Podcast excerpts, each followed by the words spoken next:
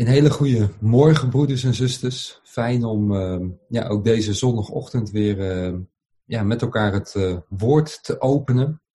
Ehm, ik zit hier op het kantoor van Israël de Bijbel.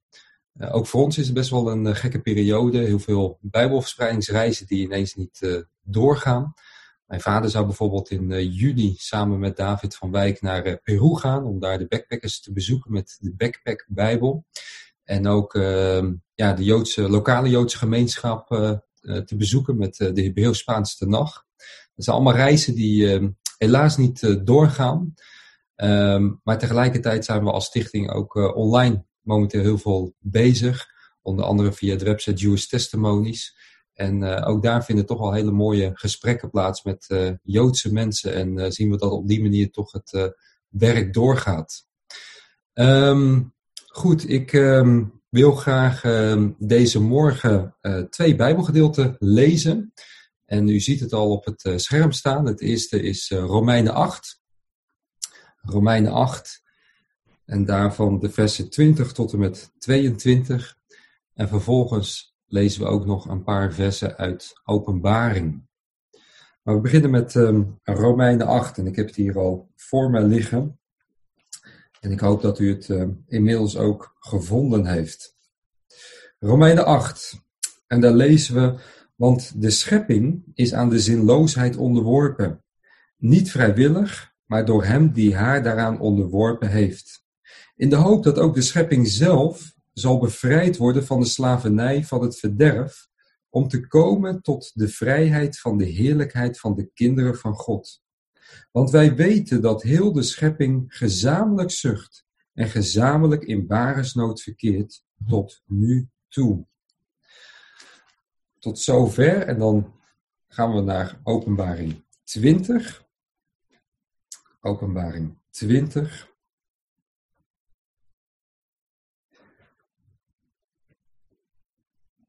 En dan lezen we vers 1 tot en met 3.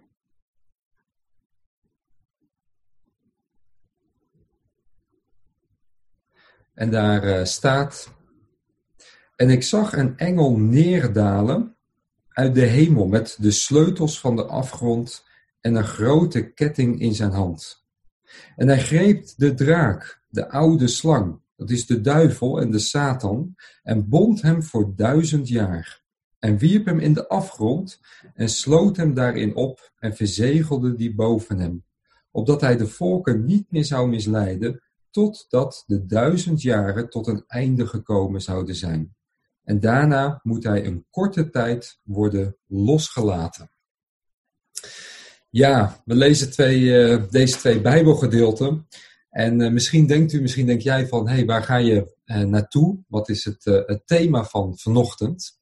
Nou, ik wil um, vanmorgen met um, jullie stilstaan um, bij het Messiaanse vrederijk. Waarom moeten nog een rijk aanbreken na de wederkomst van Christus. Een periode van duizend jaar waar de Heer Jezus hier op aarde gaat regeren. En waar we zo meteen zullen zien dat het allemaal nog niet um, ja, helemaal volmaakt zal zijn. We moeten dit niet verwarren met de nieuwe hemel en de nieuwe aarde, zoals we dat lezen in het hoofdstuk daarna in openbaring 21. Maar waarom moet er nog een periode van duizend jaar uh, zitten tussen de wederkomst van Christus en uh, daarna de nieuwe hemel en de nieuwe aarde. En um, de reden dat ik daar um, vanmorgen uh, met u en bij jou uh, stil wil staan, is um, allereerst omdat het een enorm onderbelicht thema is. er wordt eigenlijk heel weinig over gesproken. natuurlijk, hè, wij geven als stichting best wel veel bijbelstudieavonden waar het Messiaanse Rijk ook te sprake komt. Maar uh, tijdens een zondagochtenddienst ja, is dat eigenlijk een onderwerp waar heel weinig over gesproken wordt. Terwijl um, heel veel Bijbelgedeelten gaan over die periode. En dan heb ik het vooral ook over de oud-testamentische profeten, zoals Jezaja, Jeremia, eh, Zacharia, noem maar op. Um, daar vind je heel veel beloften um, die gaan over die periode na de wederkomst van de Heer Jezus. En die tijd, die wereld die zal er heel wat anders uitkomen te zien dan de tijd waarin wij nu leven. Um, de Bijbel leert dat uh, momenteel Satan nog de overste is van deze wereld. Maar we lazen zojuist in openbaring 20 hè, dat Satan in die periode gebonden zal zijn. En dat ja, dus Christus zal regeren over deze aarde. Uh, het zal een theocratie zijn. En je kunt het eigenlijk een beetje vergelijken met uh, ja, de situatie onder het oude verbond, wat God met Israël sloot, waarin je ook een theocratie ziet, een godsregering. Um, dus het allereerste is, het is een best wel onderbelicht thema, terwijl heel veel Bijbelgedeelten erover gaan. En we dus tal van beloften vinden over die periode. En ik heb na afloop ook nog een, uh, ja, een reader, een document wat je kunt downloaden, waarin ik ook heel veel uh, kenmerken opsom en ook uh, beloften laat zien, zodat je er ook concreet is, ehm, ja, dat eens kan doorlezen en ook eens kan kijken van, hé, hey, wat zegt de Bijbel nou over die periode? Um, de tweede reden dat ik hierover wil spreken, is van ja, hoe gaan wij nou met die oud-testamentische beloften om? um, ik merk namelijk dat heel veel van deze beloften vaak worden toegepast he, op onze tijd. Uh, vooral in Kingdom Now gedachten zie je dat uh, terug, dat men uh, ja, vooruit grijpt op beloften die eigenlijk nog gaan over de toekomst en men die probeert toe te passen op nu. Je ziet dat vooral bij Kingdom Now gedachten, Koninkrijk nu bouwen. Um, maar ook um, ja, bij ons hè, zie je vaak van ja, hoe, hoe moeten wij nou met die oud-testamentische beloften omgaan? Um, hoe moeten we uh, daarnaar kijken? En het valt me vaak op dat er wel uh, één tekst uitgetrokken wordt en dan wordt toegepast op ons persoonlijk leven, wat natuurlijk helemaal niet verkeerd is, wat we gewoon mogen doen. Maar het is daarbij soms ook goed van, hé, hey, waar gaat het nou over in de context? En ik kan je alvast verklappen dat als je eigenlijk meer zicht krijgt op het Messiaanse Rijk, dat heel veel van die beloften eigenlijk ook uh, gaan leven. En dat, dat, dat je dat ook kunt plaatsen in het grote plan van God.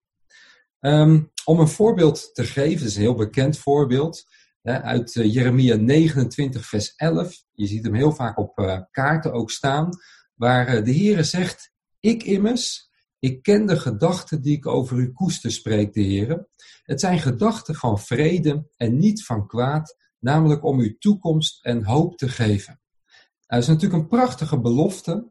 En uh, natuurlijk mogen we daar ook de toepassing maken op ons leven.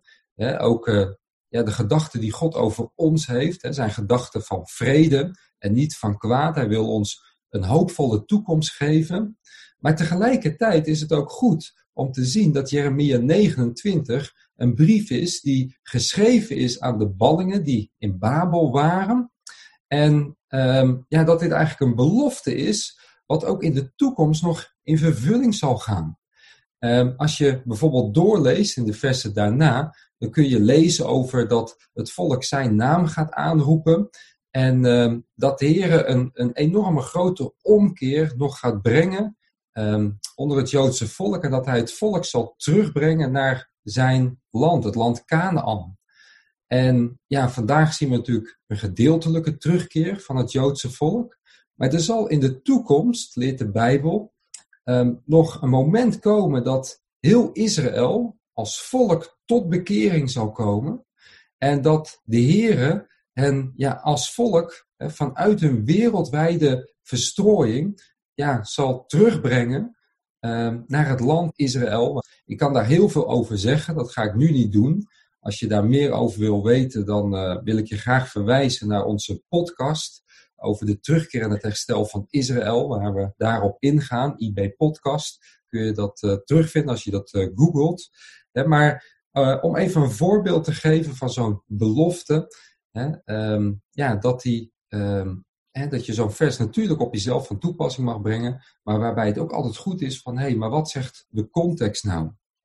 Vanmorgen wil ik dus vooral eigenlijk graag inzoomen op die waarom-vraag. Waarom breekt er na de wederkomst van Christus nog een periode van minimaal duizend jaar aan, waar Satan dus gebonden zal zijn en waar de Heere op deze aarde eh, rechtstreeks gaat regeren vanuit Jeruzalem. En wat we dus niet moeten verwarren, met Openbaring 21, waar we kunnen lezen over de nieuwe hemel en de nieuwe aarde. Voordat we verder gaan, is het goed om even te benoemen dat er verschillende benamingen zijn voor deze periode.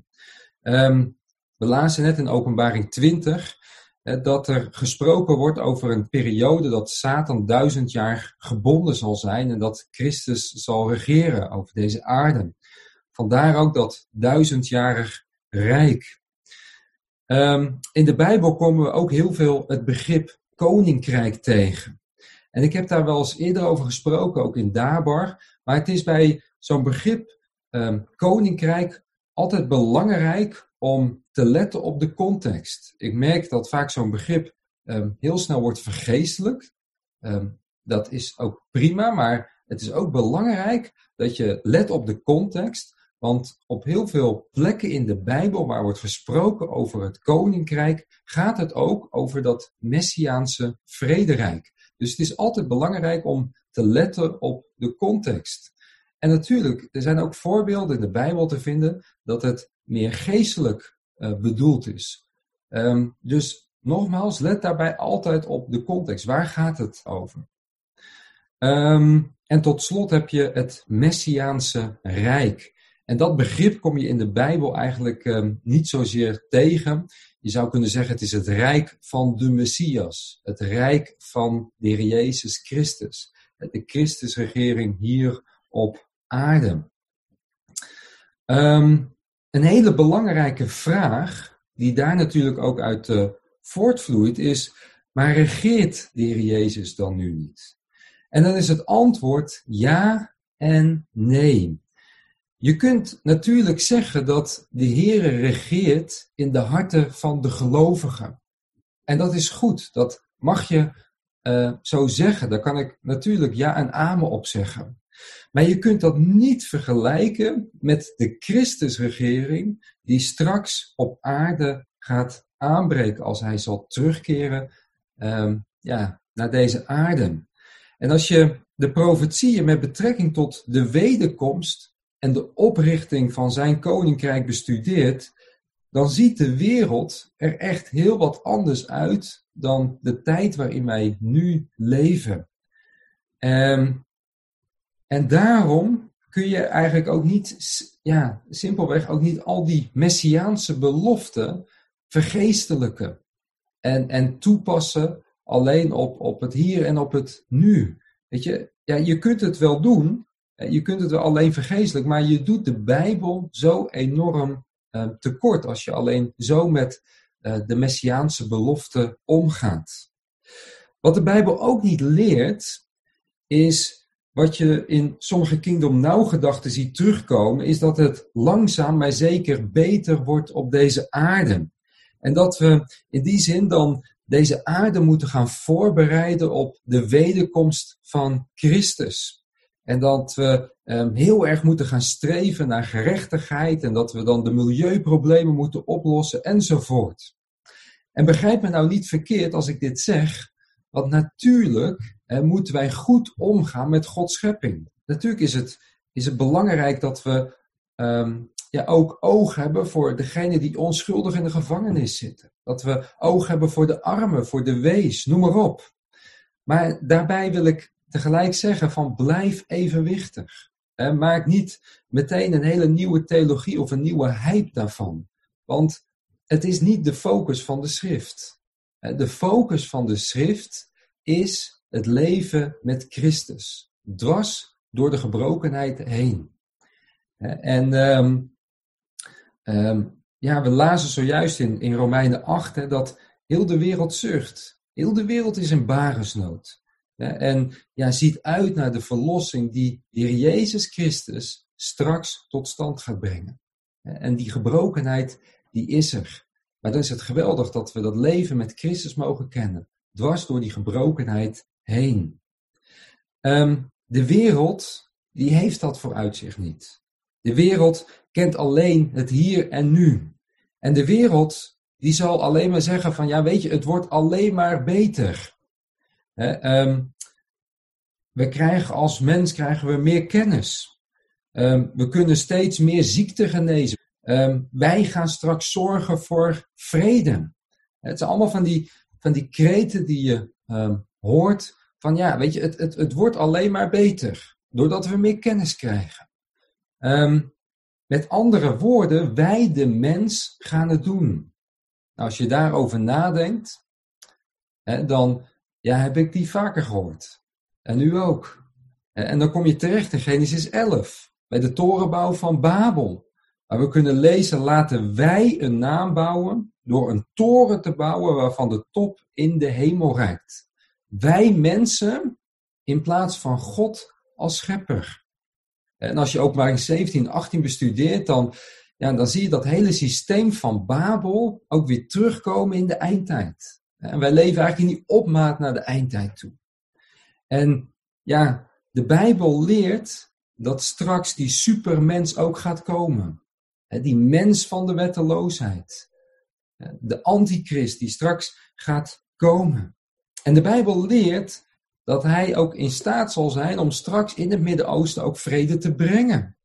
En dat hij eh, zogenaamd ook zal opkomen voor het zwakke. En dat hij ook allerlei wonderen en tekenen zal doen. Het zal een heel charismatisch persoon zijn. En heel veel mensen die zullen achter hem aangaan en die zullen zeggen, ja weet je, kijk eens, wij mensen hebben het toch maar eens goed voor elkaar. Maar weet je wat de Bijbel leert? Dat het net als die torenbouw van Babel, dat het zal uitlopen op één grote fiasco. En dan is het geweldig te weten dat God alles in de hand heeft. En dat Hij straks door zijn Zoon, de Heer Jezus Christus, alles gaat herstellen. Want nogmaals, wat leert de Bijbel eh, over de tijd en de wereld waarin wij nu leven? Nou, we hebben het zojuist al gelezen eh, in Romeinen 8, waar Paulus schrijft, want de schepping is aan de zinloosheid onderworpen. Niet vrijwillig, maar door hem die haar daaraan onderworpen heeft. In de hoop dat ook de schepping zelf zal bevrijd worden van de slavernij van het verderf, om te komen tot de vrijheid van de heerlijkheid van de kinderen van God. Want wij weten dat heel de schepping gezamenlijk zucht en gezamenlijk in baresnood verkeert tot nu toe. Heel de schepping is aan de zinloosheid onderworpen. Heel de schepping zucht. Heel de schepping verkeert in baresnood. En je hoeft niet heel erg je best te doen om die gebrokenheid om je heen ook te zien. Er zijn tal van oorlogen. Er zijn tal van rampen. We hebben te maken met ziekte, nu met coronavirus. Er is heel veel leed in deze wereld. En heel de schepping die leeft in die gebrokenheid. En die ziet rijkhalsend uit naar die geweldige verlossing die, die Jezus Christus straks tot stand gaat brengen. Had God deze gebrokenheid voor ogen? Nee. God, ja, die, die wilde juist het goede voor de mens. En het was ooit ook goed. Maar er is iets grondigs misgegaan. En ik wil me nu eigenlijk richten op twee belangrijke momenten in de geschiedenis, namelijk de roeping en de val van de mens en de roeping en de val van Israël.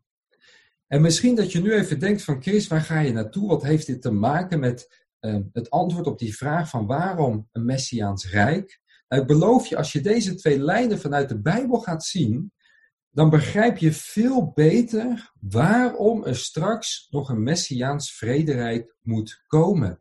En waarom er niet meteen eh, na Christus wederkomst direct de nieuwe hemel en de nieuwe aarde is. Waarom is die periode van duizend jaar nodig? Nou, als je deze twee lijnen gaat zien, dan uh, wordt er heel veel duidelijk. Want het is een enorme belangrijke fase in het grote plan van God, dat Messiaanse Rijk. Als we even teruggaan naar uh, Genesis, hè, um, dan kunnen we lezen in Genesis 1 over de schepping en hoe de eerste mens Adam door God in de Hof van Eden werd gezet, in het paradijs. En samen met um, Eva leefde hij onder Gods heerschappij. En het was goed om onder Gods heerschappij te leven. Het was goed om in het paradijs te leven. En ehm, God die stelt de eerste mens Adam aan om te heersen over zijn schepping. We lezen in uh, Genesis 1, vers 28. En God zegende hen. En God zei tegen hen: Wees vruchtbaar, word talrijk, vervul de aarde en onderwerp haar. En heers over de vissen van de zee, over de vogels in de lucht. En over alle dieren die over de aarde kruipen. Dus Adam die kreeg de opdracht om te heersen over deze aarde, over de dieren. Um, maar we kennen allemaal de geschiedenis. En we weten dat het ook grondig is misgegaan. Want in die Hof van Eden, daar ja, verschijnt op een gegeven moment de slang, hè, Satan. En die misleidt de eerste mens. En die brengt chaos en die brengt wanorde. En uh, ja, die intieme relatie die uh, de Heer in eerste instantie had met de eerste mens, die wordt verstoord. En Adam en Eva die moeten ook dat land, dat paradijs, moeten ze verlaten. Nou, als we even teruggaan naar Romeinen 8, dan schrijft Paulus dat de schepping aan de zinloosheid onderworpen werd. En dat gebeurde eigenlijk toen. En we zien dus dat de eerste mens het paradijs moet verlaten en dat met Adam en Eva eigenlijk heel de mensheid viel. Er kwam een einde aan die rechtstreekse heerschappij waar de mens onder mocht leven, die heerschappij van de Heere God. Er kwam een einde aan de rust waar de mens vanuit mocht leven, in dat mooie paradijs. En we zien dat op dat moment ook de zonde en de dood hun intrede doet. Er ontstaat een hele duidelijke kloof. Nou, bedenk dat naast dat Adam viel, ook het dierenrijk viel. De wolf stond ineens tegenover het lam.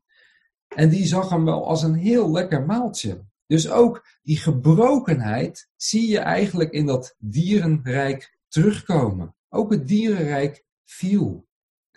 Maar bedenk dat er ook gebrokenheid is in de geestelijke wereld. De slang Satan die was te vinden in de hof van in de hof en dit betekent dat de val van Satan dus ergens daarvoor heeft plaatsgevonden. En niet alleen Satan viel, ook een deel van de engelen viel met hem. We kunnen lezen over die val in Ezekiel 28 en Jezaja 14, daar gaan we nu verder niet op in. Maar als we het hebben over dat heel de schepping zucht, bedenk dan dat dat ook zo is in de geestelijke wereld. Ook de geestelijke wereld die zucht, die kreunt. En die ja, verlangt ten diepste naar die verlossing die Christus straks tot stand gaat brengen. En dat daar ook gebrokenheid is, dat ja, zien we bijvoorbeeld ook in Efeze 6 dat wij als gelovigen ook een strijd hebben te voeren in de hemelse gewesten. Dat betekent dat ook ja, die geestelijke wereld zucht en kreunt. Nou, hou dit even vast. Zowel de mensheid viel, als ook het dierenrijk, als ook gebrokenheid, wat je terugvindt in de geesteswereld. Ik kom daar straks nog op terug. Maar God geeft in Genesis 3, vers 15 ook een geweldige belofte. Ook wel bekend als de moederbelofte. Het komt goed, want die kop van Satan, die zal vermosseld worden. Uit het zaad van de vrouw zal iemand voortkomen, de Messias, en die zal Satan overwinnen. En hij zal alles weer terugbrengen onder de heerschappij van God. En de Bijbel leert dat Satan, wat ik net ook al zei, de overste is van deze wereld. Hij wordt in 2 Korinthe 4, vers 4 ook wel de God van deze eeuw genoemd. Dit betekent niet dat God niet boven Satan staat. Want natuurlijk, God staat overal boven. En uh, ja, hij werkt dwars door alles heen. Maar Satan is nu wel tijdelijk de overste van deze wereld.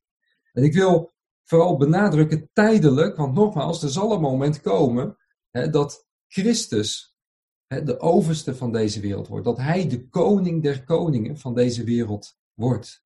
En we zagen in openbaring 19, en dan zal hij terugkomen op een wit paard met een ijzeren scepter in zijn hand. En dan zal hij ja, koning worden over deze wereld. We lezen daarover ook in 1 Korinthe 15. Ik kom daar straks nog over te spreken. Ehm, er is dus hoop. die kop van Satan die wordt vermorseld. En dat gaat gebeuren door de Messias, de Heer Jezus Christus. En dan komen we natuurlijk ook uit bij het volk Israël. Want het volk Israël, het Joodse volk, mocht de Messias voortbrengen. En ehm, dat, niet niet, dat niet alleen. God die zonderde Israël als volk ook af om zijn koninkrijk vanuit Jeruzalem op te richten. Het volk kreeg een land, een koninkrijk, en ze werden apart ehm, ja, ehm, gesteld, apart gezet van de volkeren.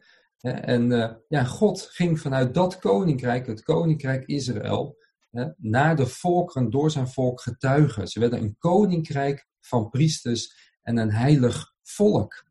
Als je kijkt naar Adam, de eerste mens, en Israël, dan zie je dat daar heel veel overeenkomsten zijn. Um, beide zijn door God geschapen. Israël wordt, uh, God, uh, die noemt zichzelf ook de formeerder van Israël. Hij heeft Israël in het leven geroepen. Hij heeft Israël geschapen. Dat geldt ook voor Adam en Eva. Adam, die werd gesteld om te heersen, zagen we. Nou, dat lezen we ook bij Israël. Israël werd het hoofd van de volken. Adam, die kreeg een land, het paradijs. En ook Israël kreeg een land, het land Israël. En het was goed hè, om in het paradijs te wonen. Mens en dier leefden daar in harmonie. Er was rust, er was vrede. Hè, omdat God daar regeerde. En er was een hele intieme relatie tussen God en de mens. Hetzelfde geldt voor Israël. Het was goed om in het land Canaan te wonen. Het was goed om te leven onder Gods heerschappij. God zorgde voor alles. God zorgde voor het land. God zorgde dat eh, de vijanden van Israël op afstand bleven als ze trouw bleven aan het verbond. God zorgde ervoor dat het volk vruchtbaar zou zijn, dat er geen miskramen zouden plaatsvinden. Het was goed om onder Gods heerschappij te leven. God zou ervoor zorgen dat ziekte hen zou wijken. Al die zegeningen die zie je allemaal terug in Numeri en Deuteronomium. God, ja, die zorgde echt voor zijn volk Israël. Ehm, en hij wilde dat eigenlijk net als bij Adam en Eva, dat ze zouden leven en genieten onder zijn heerschappij. Um, Adam en Eva die hadden één wet, niet eten uh, van die boom. Nou, Israël die kreeg ook Gods wet, waar ze zich aan moesten houden. Overtreding van de wet betekende uh, dat uh, Adam en ook Eva uit dat paradijs werden geworpen, het land moesten verlaten. Dat er een breuk kwam in die intieme relatie. En hetzelfde zie je eigenlijk ook bij Israël.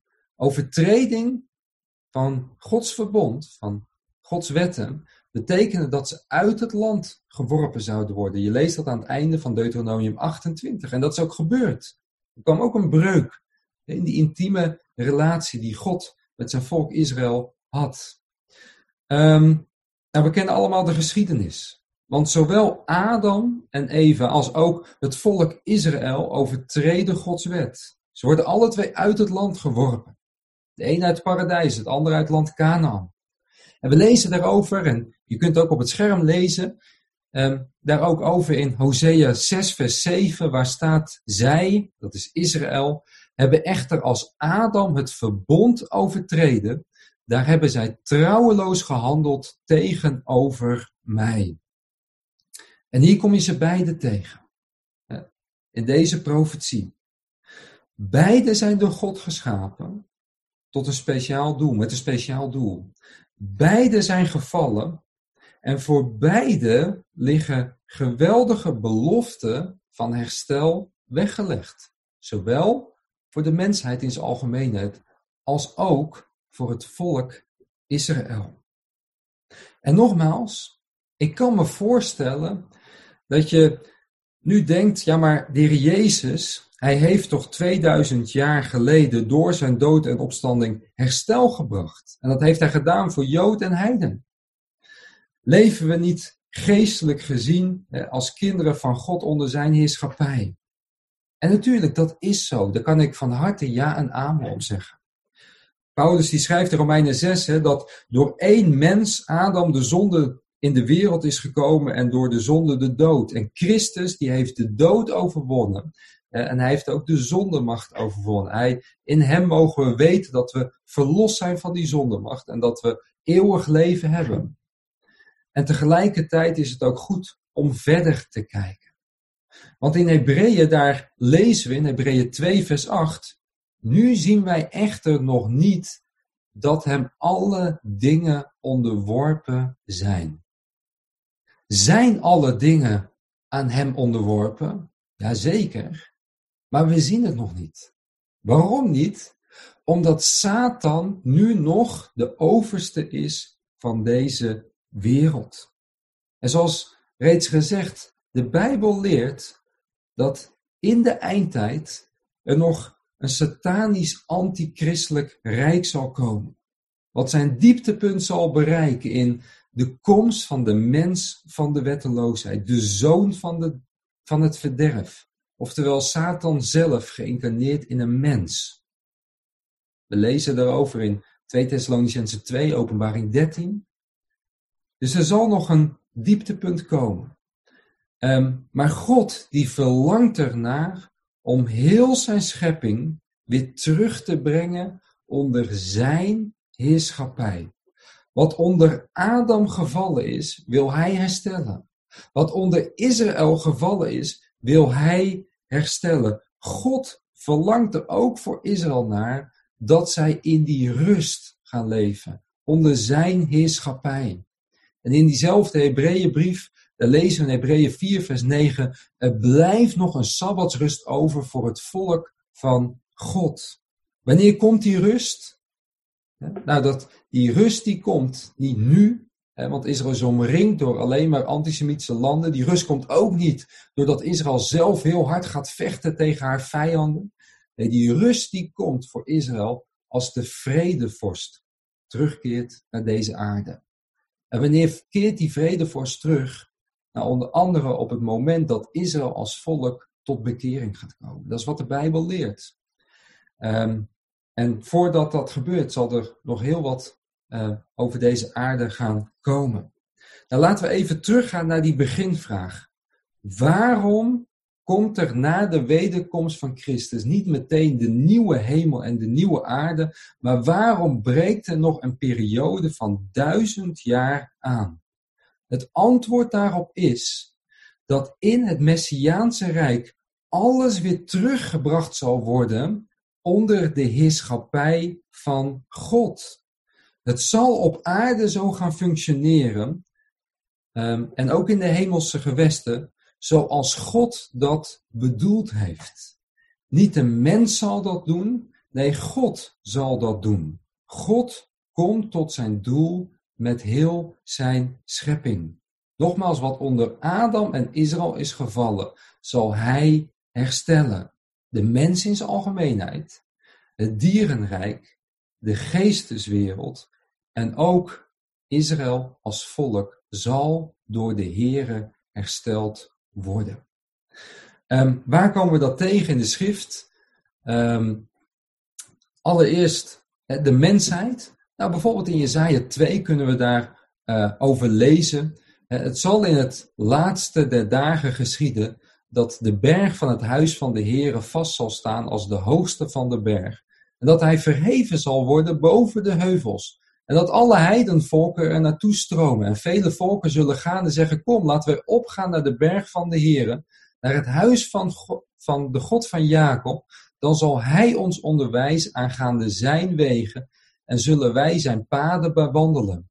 Want uit Sion zal de wet uitgaan en het woord van de Heere uit Jeruzalem. En hij zal oordelen tussen heidenvolken en veel volken vonnissen. En zij zullen hun zwaarden omsmeden tot ploegscharen en hun speren tot snoeimessen. En geen volk zal tegen een ander volk het zwaard opheffen, Oorlog voeren zullen zij niet meer leren. Het huis van Jacob, kom, laten wij wandelen in het licht van de Here. Is zo'n belofte wat dan in vervulling zal gaan. De zwaarden zullen omgesmeden worden tot ploegscharen. Uit Sion, uit Jeruzalem, zal Gods wet over de wereld uitgaan. Met andere woorden, de mens zal hersteld worden. Het zal teruggebracht worden uh, ja, naar hoe de Heere wil dat wij als mens leven. In vrede. Onder zijn wet. Onder zijn heerschappij. Met recht en gerechtigheid. Dat is de mensheid in zijn algemeenheid. Ook Israël als volk zal hersteld worden. En Paulus die schrijft aan het einde van Romeinen 11 dat Gods beloften voor Israël onberouwelijk zijn.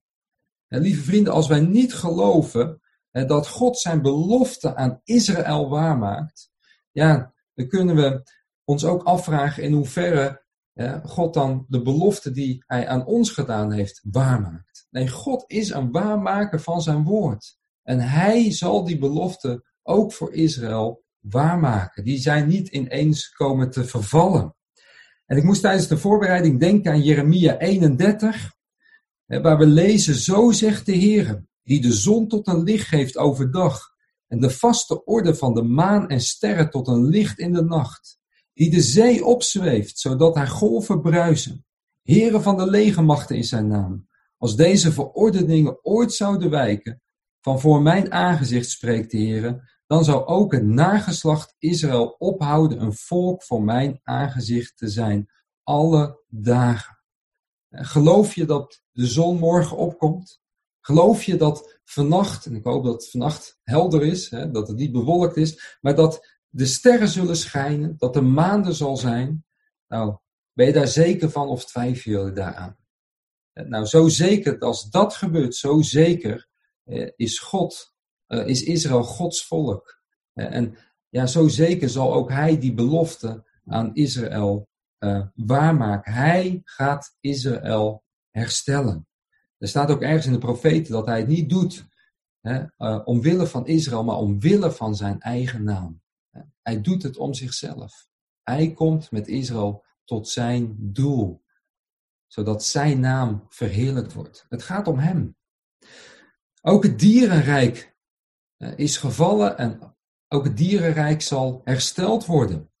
En we lezen daarover in onder andere Jezaja 11, waar staat: Een wolf zal bij een lam verblijven, een luipaard bij een geitenbok neerleggen, een kalf, een jonge leeuw en um, gemengd vee zullen bij elkaar zijn. Een kleine jongen zal ze drijven, een koe en een berin zullen samen weiden. Hun jongen zullen bij elkaar neerleggen. Een leeuw zal stro eten als een rund. Nou, dat gaat zo verder. Een zuigeling zal zich vermaken bij het hol van een adder. En in het nest van een gifslang zal een peuter zijn hand steken. Uh, uh, dat is de wereld uh, die ehm, ja, er straks zal zijn. Er zal een totale metamorfose plaatsvinden, ook in die dierenwereld, maar ook in de natuur. We lezen in bijvoorbeeld Ezekiel 36, vers 35 over het land Israël, dat het echt zal worden als de Hof van Eden. Het zal tot bloei komen. Het zal, dat zullen geen irrigatieprojecten zijn zoals we vandaag zien. Het zal echt een prachtig natuurgebied worden, waarbij um, ook bij de Dode Zee dat, dat oordeel opgeheven zal worden en waar het ook helemaal ja, tot bloei zal komen, zoals we dat ook lezen in Ezekiel 47, dat, hè, die, dat water ook um, ja, zoet water zal zijn. Nogmaals, ook een metamorfose wat betreft de natuur. Um, en tot slot, hè, ook de geesteswereld hè, zal bij zijn wederkomst zich aan hem moeten onderwerpen. Paulus die schrijft in Filippenzen 2 dat elke knie zich moet buigen in de hemel, op de aarde en ook onder de aarde. Met andere woorden, ook alle machten en krachten die zullen zich aan Hem onderwerpen. Lieve vrienden, die periode van het duizendjarig rijk, oftewel het Messiaanse vrederijk, is een enorme belangrijke fase in het grote plan van God. En als we vanaf de schepping gerekend nu al 6000 jaar onderweg zijn in het plan van God, is het dan echt zo'n gekke gedachte dat het herstel ook in ieder geval minimaal duizend jaar zal duren. Als we het hebben over het Messiaanse Rijk, dan zal dat nog niet een perfecte aarde zijn. U moet zich voorstellen dat een deel van de mensheid die straks in dat Messiaanse vrederijk leeft, ook die duistere periode van de eindtijd heeft meegemaakt. Uit die eindtijd zullen de volken, zullen de mensen komen die dat uh, ja, overleven, die eruit komen. En die dus eigenlijk die nieuwe wereld ja, eigenlijk binnenstappen, gaan leren kennen. Waarbij de Heer Jezus dus op deze aarde zal gaan regeren met recht en gerechtigheid. Uh, en die zullen dus meemaken dat in de eindtijd eigenlijk Satans macht tot een climax komt. Die zullen die hele duistere periode meemaken. Maar die zullen dus ook die periode gaan meemaken dat Satan gebonden zal zijn. En dat Christus over deze aarde regeert. Je zou het een beetje kunnen vergelijken met Noach. Noach die die ark binnenstapt, die die oude wereld kende. Maar op een gegeven moment ook, ja, als het ware op deze aarde weer ja, dat nieuwe tijdperk inging. Die nieuwe wereld inging. Um, ook hij heeft dat in die zin uh, meegemaakt. Um, ik zit even te kijken. Ja, we hebben dus gezien dat iedereen zich moet onderwerpen aan de Heer Jezus Christus. Nou, als je je verder gaat verdiepen in die messiaanse profetieën, dan valt het op dat eigenlijk in het begin van, die messiaans, van het messiaanse rijk, dat men die puinhopen van de eindtijd, om maar zo te zeggen, allemaal weer gaat herbouwen. Uh, of uh, gaat opbouwen, moet ik zeggen. Dus dat daar echt een stuk herstel gaat uh, plaatsvinden. We lezen daarover onder andere in Ezekiel 34, vers 33.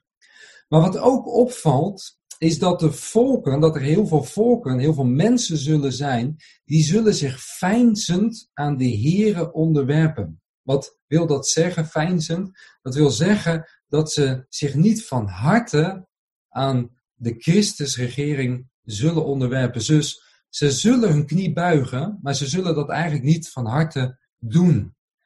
Um, en we zien ook, als je je verder verdiept in het Messiaanse Rijk, dat de Heer daar ook met harde hand optreedt. Wie niet luistert, die zal geoordeeld worden. Die zal de consequenties daarvan um, ja, ook ervaren. En het is eigenlijk een beetje als uh, Israël onder het oude verbond. Als je luisterde naar de Heer, werd je gezegend. Maar als je ontrouw was, ja, dan kwam die vervloeking. En dat is eigenlijk ook wat je ziet straks in het Messiaanse Rijk. Dat de Heer rechtstreeks zal ingrijpen. En een voorbeeld daarvan is uh, in Zachariah 14, waar we kunnen lezen um, over de wederkomst van Christus, maar het verlengde daarvan ook over de Christusregering hier op aarde, dat de Heer koning zal zijn over heel de aarde. En dan kunnen we lezen dat in die periode ook het Loofhuttenfeest weer gevierd zal worden. En dat de volkeren naar Jeruzalem moeten optrekken om dat Loofhuttenfeest te vieren. En degene die niet luistert en dat niet doet, ja, die zal door de Heer daar ook geoordeeld worden. Daar zal de Heer met een oordeel komen. En die zal de Heer straffen. Dat zal letterlijk gebeuren. En Egypte wordt daar bij name genoemd. Maar alle volken die zullen dan moeten optrekken. En daaruit blijkt dat het eigenlijk nog niet helemaal een perfecte wereld is. Eh, het zal nog niet in die zin uh, helemaal volmaakt zijn. Hetzelfde zie je ook in Openbaring 20 terug. Want we lezen in Openbaring 20, vers 7 tot en met 10, dat als die duizend jaar voorbij zijn, dat Satan nog uh, uit zijn gevangenis zal worden losgelaten en dat hij nog één keer de kans krijgt om de volken te misleiden. En dan zie je dat een deel van de volkeren um, opnieuw achter Satan zullen aangaan. Hierin zien we ook weer dat God geduldig is. Hij is barmhartig. En hij wil niet dat iemand verloren gaat, maar hij wil dat alle mensen tot erkentenis van de waarheid komen. dat geldt voor de periode waarin wij nu leven. God is geduldig. Ehm, maar dat geldt ook voor ehm, die tijd. En ehm, ja, ook daarin zie je eigenlijk de hardheid van de mens. Want eigenlijk net als Farao, ja, zullen heel veel mensen hun hart verharden. Terwijl ze weten dat Christus de koning is. Dat God de schepper is van hemel en aarde. Dat hij alle macht heeft. En dat ze toch hun hart verharden. Dat ze ook in dat duizend jaar rijk. Dat ze eigenlijk niet ja, hun leven overgeven aan de Heer Jezus. En daarom is het Messiaanse Rijk eigenlijk opnieuw een genadeperiode. Waarbij de mens de kans krijgt om Christus te aanvaarden. wij leven nu in een genadeperiode. Maar dat zal opnieuw straks een genadeperiode zijn, dat Messiaanse Rijk. Met dat verschil dat Christus dus letterlijk op deze aarde zal regeren vanuit Jeruzalem. Iedereen zal hem zien. Niemand zal er omheen kunnen. Dan heb je niet dat de wetenschap zegt van ja, waar is jullie God dan? Dan zou je kunnen zeggen, hij is daar in Jeruzalem, je kunt hem zien. En als je niet um, ja, je aan hem onderwerpt, dan zal je de consequenties daarvan ervaren. We lezen hierover ook in 1 Korinthe 15. Hè, maar we lezen, daarna komt het einde wanneer hij het koningschap aan God en de Vader heeft overgegeven, wanneer hij alle heerschappij en alle macht en kracht heeft teniet gedaan. Want hij moet koning zijn totdat hij alle vijanden onder zijn voeten heeft gelegd. En de laatste vijand die teniet gedaan wordt is de dood. Immers alle dingen heeft hij aan zijn voeten onderworpen. Wanneer hij echter zegt dat aan hem alle dingen onderworpen zijn, is het duidelijk dat hij die zelf alles aan hem onderworpen heeft, hiervan is uitgezonderd. En wanneer alle dingen aan hem onderworpen zijn, dan zal ook de zoon zelf zich onderwerpen aan hem, die alle dingen aan hem onderworpen heeft, opdat God alles in allen zal zijn. En let op vers 25, hij moet koning zijn, totdat hij alle vijanden onder zijn voeten heeft gelegd. En dat zal in dat Messiaanse Rijk gebeuren. Hij zal als koning gaan regeren. En hij zal uiteindelijk, eh, of tenminste, hij brengt alle vijanden onder zijn voeten. Aan het einde van het Messiaanse Rijk zal opnieuw, eh, of tenminste zal nog een laatste zuivering plaatsvinden. En dan zal hij uiteindelijk ook dat koningschap overgeven aan de Vader. Eh, en dan kom je in Openbaring 21, de nieuwe hemel en de nieuwe aarde. Nou, tot slot, ik wil uh, u en jou uitdagen om eens aan de slag te gaan met die messiaanse beloften. Um, en um, ja, ze ook te leren plaatsen in het grote plan van God. Nogmaals, het is echt niet verkeerd om uh, beloften te pakken en die ook toe te passen op je leven. maar ik wil je ook uitdagen om de context te bekijken en te letten van ja, maar waar gaat het hier in de eerste plaats uh, om.